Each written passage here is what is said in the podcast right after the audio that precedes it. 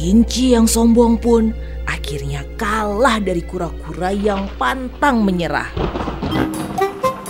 Aum, teriak singa sang raja hutan pada kawanan pemburu jahat tersebut. Ajarkan cinta dan banyak hal lain dengan mendongeng bersama anak. Ayo mendongeng. Di suatu hutan, ada sekelompok buaya yang ingin merasakan nikmatnya daging seekor kancil. Mereka menanti-nanti kehadiran si kancil yang akan mendekati sungai, baik untuk menyeberang ataupun minum. Nah, suatu ketika si kancil hendak pulang setelah mencari makan. Ia bermaksud untuk menyeberangi sungai. Namun ia terkejut melihat buaya tiba-tiba muncul menghadangnya. Mengetahui ia hendak menjadi satapan, si kancil lalu berkata bahwa ia sebenarnya ingin menyerahkan diri.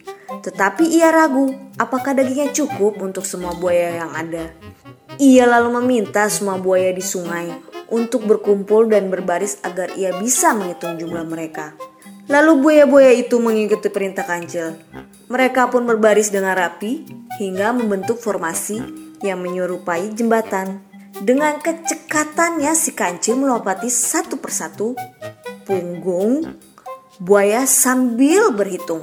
Tak disangka, ternyata sampai di tepi sungai ia langsung melarikan diri. Para buaya pun kesal karena tertipu oleh kecerdikan si kancil. Ayo mendongeng, persembahan dari Female Radio. Love Life, Love Your Children.